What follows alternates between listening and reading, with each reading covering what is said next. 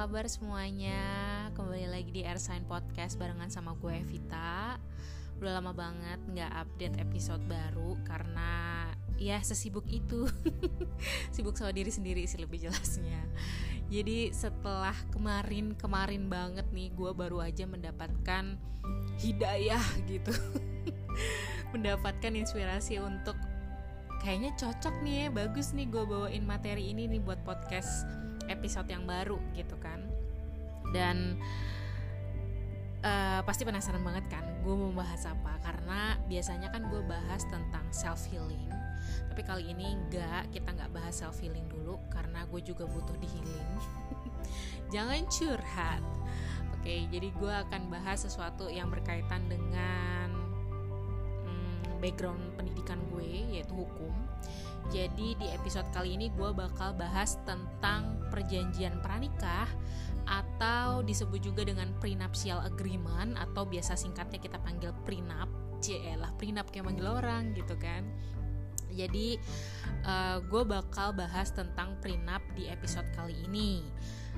Kenapa sih gue milih topik ini? Karena menurut gue banyak orang yang perlu tahu secara mendasar kayak apa tujuannya sih buat bikin prenup dan kayak prenup itu perlu atau enggak sih untuk dibuat kayak gitu kan? Karena uh, banyak banget pasti yang udah sering denger tentang perjanjian pranikah, prenup ini gitu kan? Tapi kayak masih nggak tahu jelas sebenarnya tuh kayak apa sih gitu kan? Dan selain itu gue tuh juga pernah punya pengalaman sama mantan pasangan gue dulu yang salah sangka banget soal prenup ini. Karena kan gue lulusan hukum ya jadi gue punya privilege untuk mengerti lebih banyak tentang perjanjian pranikah ini. Dan gue memang punya niatan kalau gue one day nikah gue itu perlu punya perjanjian pranikah gitu kan. Karena perjanjian pranikah ini dibuat untuk melindungi harta masing-masing dan untuk menjamin keberlangsungan hidup anak nantinya ya singkatnya seperti itulah. Sedangkan mantan pasangan gue itu ya sama kayak orang-orang pada umumnya berpendapat kalau prenup ini berarti lo memikirkan bakal cerai lah nikahnya nggak akan selamanya dan sebagainya dan sebagainya gitu kan. No no no no no. Bukan itu sebenarnya poinnya. Nah jadi karena latar belakang itulah gue rasa perlu nih bahas soal prenup di podcast untuk sharing knowledge buat orang-orang di luar sana supaya lebih paham aja apa yang dimaksud dengan prenup ini dan sebenarnya tujuannya tuh untuk apa sih gitu deh. Jadi, konstruksi hukum di Indonesia soal pernikahan itu sudah diatur di dalam KUH Perdata ya. Jadi, uh, ketika lo menikah itu semua harta yang didapat setelah ikatan pernikahan yang sah akan menjadi harta bersama atau campur harta. Nah, prenup ini hadir sebagai perlindungan hukum yang mengatur hal-hal lain di luar apa yang diatur dalam peraturan perundang-undangan yang ada. Jadi seperti itulah kira-kira gambarannya. Perjanjian pernikah sendiri di Indonesia ini uh, sebenarnya agak-agak kurang umum gitu ya. Dan sering kali dipandang tabu oleh masyarakat. Tapi sebenarnya perjanjian pernikah ini nggak setabu itu loh gitu loh. Apalagi di tengah kondisi yang akhir-akhir ini tuh makin marak banget soal pelakor perebut laki orang gitu kan dan pembinor perebut bini orang gitu kan. Nah fenomena yang seperti ini sebenarnya bisa membantu untuk melindungi posisi lawan pasangan, untuk melindungi beberapa hal dalam pernikahan. Ya nggak melulu soal itu aja sih, tapi juga terkait dengan bisnis usaha yang misalnya dijalankan oleh salah satu pihak atau kedua-duanya yang memiliki potensi menyebabkan hilangnya harta bersama. Kayak gitu juga bisa pasti bakal bertanya-tanya gitu kan kok bisa sih bisnis sampai kayak gitu? Nah kayaknya itu terlalu panjang kalau harus gue jelasin di episode yang kali ini. Mungkin kalau misalnya kalian pengen ada pembahasan itu lebih lanjut bolehlah komen aja ke gue dan mungkin nanti gue akan siapkan satu slot episode untuk pembahasan soal itu. Oke kita lanjut Nah selain itu pernah denger juga pendapat yang bilang kalau uh, wah prenup ini kayak kawin kontrak ya. Jadi sebenarnya pandangan ini tuh nggak bener banget guys karena di Indonesia itu perjanjian pranikah harus dibuat oleh notaris dalam bentuk akta notaril dan harus dilaporkan ke petugas pencatatan perkawinan nih. Tentunya isi perjanjian pernikahan ini tidak boleh bertentangan dengan hukum di Indonesia dan di Indonesia sendiri tidak mengakui adanya perjanjian waktu tertentu atau perkawinan kontrak. Jadi kan hal ini melanggar norma kesusilaan ya dan norma agama juga sehingga pastinya isi prenup nggak boleh mengatur waktu pernikahannya seperti itu. Jadi jangan sampai salah persepsi lagi. Jadi nggak ada tuh yang bilang prenup tuh berarti uh, kawin kontrak kayak gitu. Salah banget karena di Indonesia tuh tidak mengakui itu. Jadi jadi yang diatur sama perjanjian pranikah ini tidak boleh mengatur waktu lamanya pernikahan kayak gitu loh jadi prenup ini hanya akan berisi tentang hal-hal yang uh, probabilitasnya tetap akan ada ketika masa pernikahan dan itu untuk mengantisipasi segala resiko-resikonya seperti kurang lebih seperti itu gitu. Nah dari tadi kan gue juga udah singgung-singgung nih ya kalau hukum Indonesia ini memberikan peluang atau ruang bagi prenup pasti banyak banget yang nanya apa sih ketentuan hukumnya dan ada di mana kayak gitu. Oke, jadi gue bakal jelasin di sini. Yang pertama, hal tersebut udah dipayungi hukum lebih dulu dalam Kitab Undang-Undang Hukum Perdata. Ya, tadi gue udah sebutin juga ya di awal, yaitu di pasal 119 yang menyebutkan sejak saat dilangsungkannya perkawinan, maka menurut hukum terjadi harta bersama menyeluruh antara suami dan istri. Sejauh tentang hal itu tidak diadakan ketentuan-ketentuan lain dalam perjanjian perkawinan. Nah, jadi dari ketentuan pasal 119 ini sudah dibuka kan uh, opsional kalau ketika lo nikah harta lo itu akan menjadi harta yang bercampur antara suami dan istri gitu kan. Sejauh tapi ada pengecualiannya sejauh tentang hal itu tidak diadakan ketentuan lain dalam perjanjian perkawinan. Jadi diperbolehkan untuk membuat perjanjian yang lain seperti itu. Misalnya menentukan bahwa setelah menikah ya hartanya tetap sendiri-sendiri kayak gitu misalnya. Jadi itu bisa gitu Kemudian selain diatur dalam undang-undang uh, Kitab Undang-Undang Hukum Perdata, itu juga diatur di pasal 29 Undang-Undang Perkawinan yang menyebutkan pada waktu sebelum perkawinan dilangsungkan, kedua belah pihak atas persetujuan bersama dapat mengajukan perjanjian tertulis yang disahkan oleh pegawai pencatat perkawinan setelah mana isinya berlaku juga terhadap pihak ketiga tersangkut. Nah, pihak ketiga tersangkut ini bisa anak ya yang dilahirkan pada uh, perkawinan tersebut gitulah. Nah, sebagai catatan, isi perka eh isi perkawinan maksudnya isi perjanjian tidak bisa disahkan jika isi perjanjiannya ini melanggar ketentuan hukum yang berlaku di Indonesia dan juga norma agama dan norma kesusilaan. Jadi sudah bisa dipastikan bahwa uh, prenup ini tidak bisa berisi sesuatu yang bertentangan dengan peraturan yang ada dan juga uh, norma norma yang berlaku di Indonesia. Ada norma keagamaan, kemudian norma kesusilaan, norma kesompanan. Nah, itu tidak boleh. Jadi karena yang di, yang membuat juga adalah notaris, jadi uh, notaris juga pasti sudah tahu ya. Jadi ketentuan apa misalnya hal-hal yang itu melanggar dan itu tidak boleh ada di prenup itu gitu. Oke, jadi tadi gue udah jelasin uh, dasar hukumnya dan prenup ini berlaku sejak perkawinan dilangsungkan dan gak boleh dirubah kecuali ada persetujuan dari kedua belah pihak untuk merubah dan tidak merugikan pihak ketiga ya yang tadi gue sebutin lagi pihak ketiga itu adalah anak kayak begitu. Nah jadi hal-hal apa aja sih yang biasanya diatur dalam prenup? Oke jadi gue membagi ini dalam dua poin. Poin yang pertama adalah pemisahan harta dan hutang. Nah, karena hukum di Indonesia mengakui percampuran harta pernikahan, maka di prenup kita bisa mengatur mengenai pemisahan harta atau pengaturan terkait dengan harta yang diperoleh selama pernikahan nantinya kemudian gimana sistem keuangan selama pernikahan, kemudian bagaimana apabila selama menikah nanti mendapatkan warisan atau hibah dan lain sebagainya gitu kan.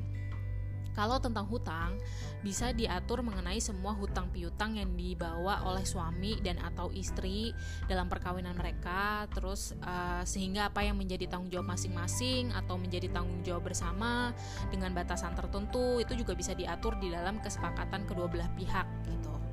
Selain itu, seperti yang udah gue sebutin tadi di awal-awal, misalnya ada yang punya usaha nih, uh, salah satu pasangan atau mungkin kedua-duanya.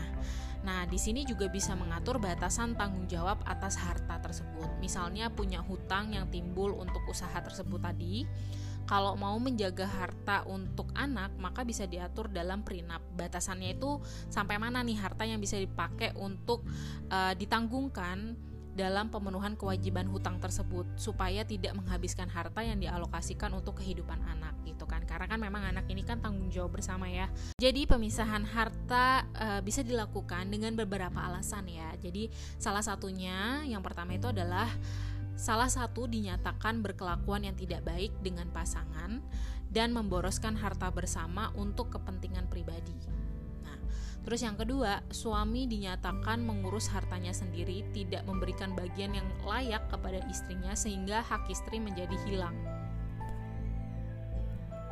Kemudian yang ketiga, diketahui bahwa adanya kelalaian yang sangat besar yang menyebabkan hilangnya harta bersama atau mengalihkan harta untuk kepentingan orang lain yang memiliki hubungan spesial dengan salah satu pasangan. Oke, yang kedua adalah perjanjian kawin lainnya atau kesepakatan nikah lainnya.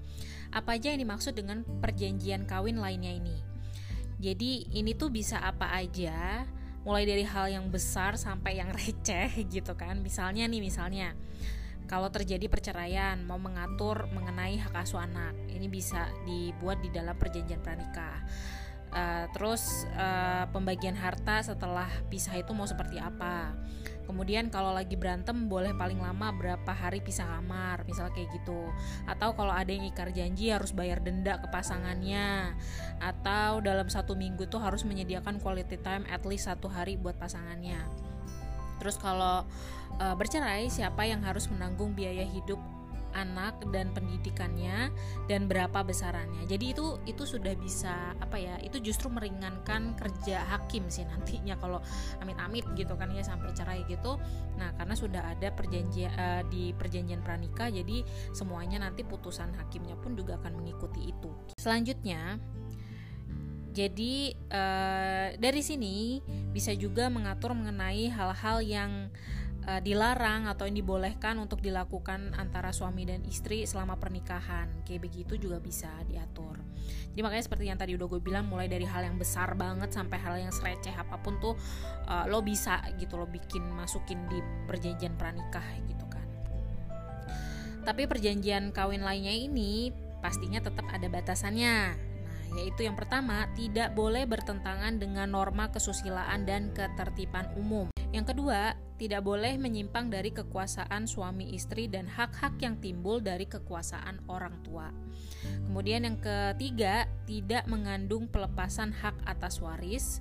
Dan yang keempat, tidak boleh memperjanjikan bahwa perkawinan mereka akan diatur oleh hukum asing. Jadi misalnya, uh, pasangan mereka sama-sama orang Indonesia nikahnya di Indonesia tapi di perjanjian pernikahnya uh, bilang kalau pernikahan mereka tunduk pada ketentuan hukum di Inggris misalnya kayak gitu. Padahal bikin perjanjian pernikahnya juga di Indonesia. Nah itu nggak boleh gitu loh. Jadi memang harus tunduk sama ketentuan hukum Indonesia gitu. Jadi itu tadi penjelasan mengenai hal apa aja yang bisa diatur dalam prenup secara garis besar, kalau misalnya bingung nih bisa konsultasi dulu ke konsultan pernikahan dan notaris pastinya. Yang gak kalah penting, meski pembuatannya tidak diharuskan, tapi perjanjian pernikah ini disarankan untuk dibuat agar kedua belah pihak dalam pernikahan ini sama-sama terlindungi. Dan harus kedua-duanya sepakat dengan kerelaan bukan karena paksaan oleh salah satu pihak ya karena kalau disebabkan oleh keterpaksaan ini bisa jadi nggak sah perjanjian pernikahnya Oke mungkin ada yang bertanya-tanya pas dengerin podcast gue ini dari tadi kalau misalnya udah nikah nih terus waktu dulu tuh di awal sebelum nikah nggak kepikiran nih bikin perjanjian pranikah Nah kemudian sekarang udah nikah terus baru kayak kepikiran gitu kan kayak bisa nggak ya gue bikin perjanjian nikah juga kayak gitu. Itu sering disebut dengan post nuptial agreement. Nah, kalau untuk hal ini saat ini tuh udah diperbolehkan melalui keputusan MK Mahkamah Agung nomor 69 tahun 2015 yang mana memperluas perjanjian perkawinan bisa dilakukan sebelum pernikahan ataupun selama perkawinan kayak gitu. Tapi perbedaannya nih untuk postnuptial agreement punya ketentuan bahwa yang diatur adalah harta dan hutang yang terjadi setelah dibuatnya perjanjian perkawinan perkawinan. Jadi misalnya nih ada suami istri udah nikah nih tiga tahun, terus baru kepikiran nih di tengah-tengah pernikahan tuh kayak kayaknya perlu deh bikin perjanjian uh, perjanjian perkawinan gitu kan. Nah, jadi nanti harta selama tiga tahun sebelumnya akan mengikuti ketentuan hukum Indonesia yaitu adalah percampuran harta. Kemudian pemisahan harta itu baru akan diperhitungkan setelah uh, perjanjian post nuptial agreementnya itu dibuat. Jadi seperti itu perbedaannya hanya itu. Jadi kalau perjanjian pranikah itu kan dibuat sebelum menikah, kemudian uh, saat pernikahan sampai seterusnya itu akan berlaku ketentuan-ketentuan yang kesepakatan-kesepakatan yang dibuat di perjanjian pranikah itu. Tapi kalau post nuptial agreement itu ketentuannya baru berlaku setelah itu dibuat kayak gitu tapi sebelumnya tetap mengikuti aturan yang diatur dalam undang-undang yaitu percampuran harta atau ketentuan lainnya seperti itu Nah, jadi itu aja guys yang bisa gue jelasin soal perjanjian pranikah dan pasca nikah. Mudah-mudahan bisa menambah uh, pemahaman lagi nih buat semuanya yang dengerin podcast gue dan udah nggak salah sangka lagi yang namanya perjanjian pranikah itu bukan kawin kontrak loh ya, gitu kan. Mungkin kalau ada masukan atau mau bahas apa lagi ya buat gue episode selanjutnya Nah, bisa langsung DM aja ke Instagram gue di @evitafit. Fit belakang itu i-nya double ya. Seperti itu. Jangan lupa juga di-follow, oke? Okay? Oke deh, terima kasih banget yang udah dengerin podcast gue dari awal sampai akhir. See you again. Bye bye.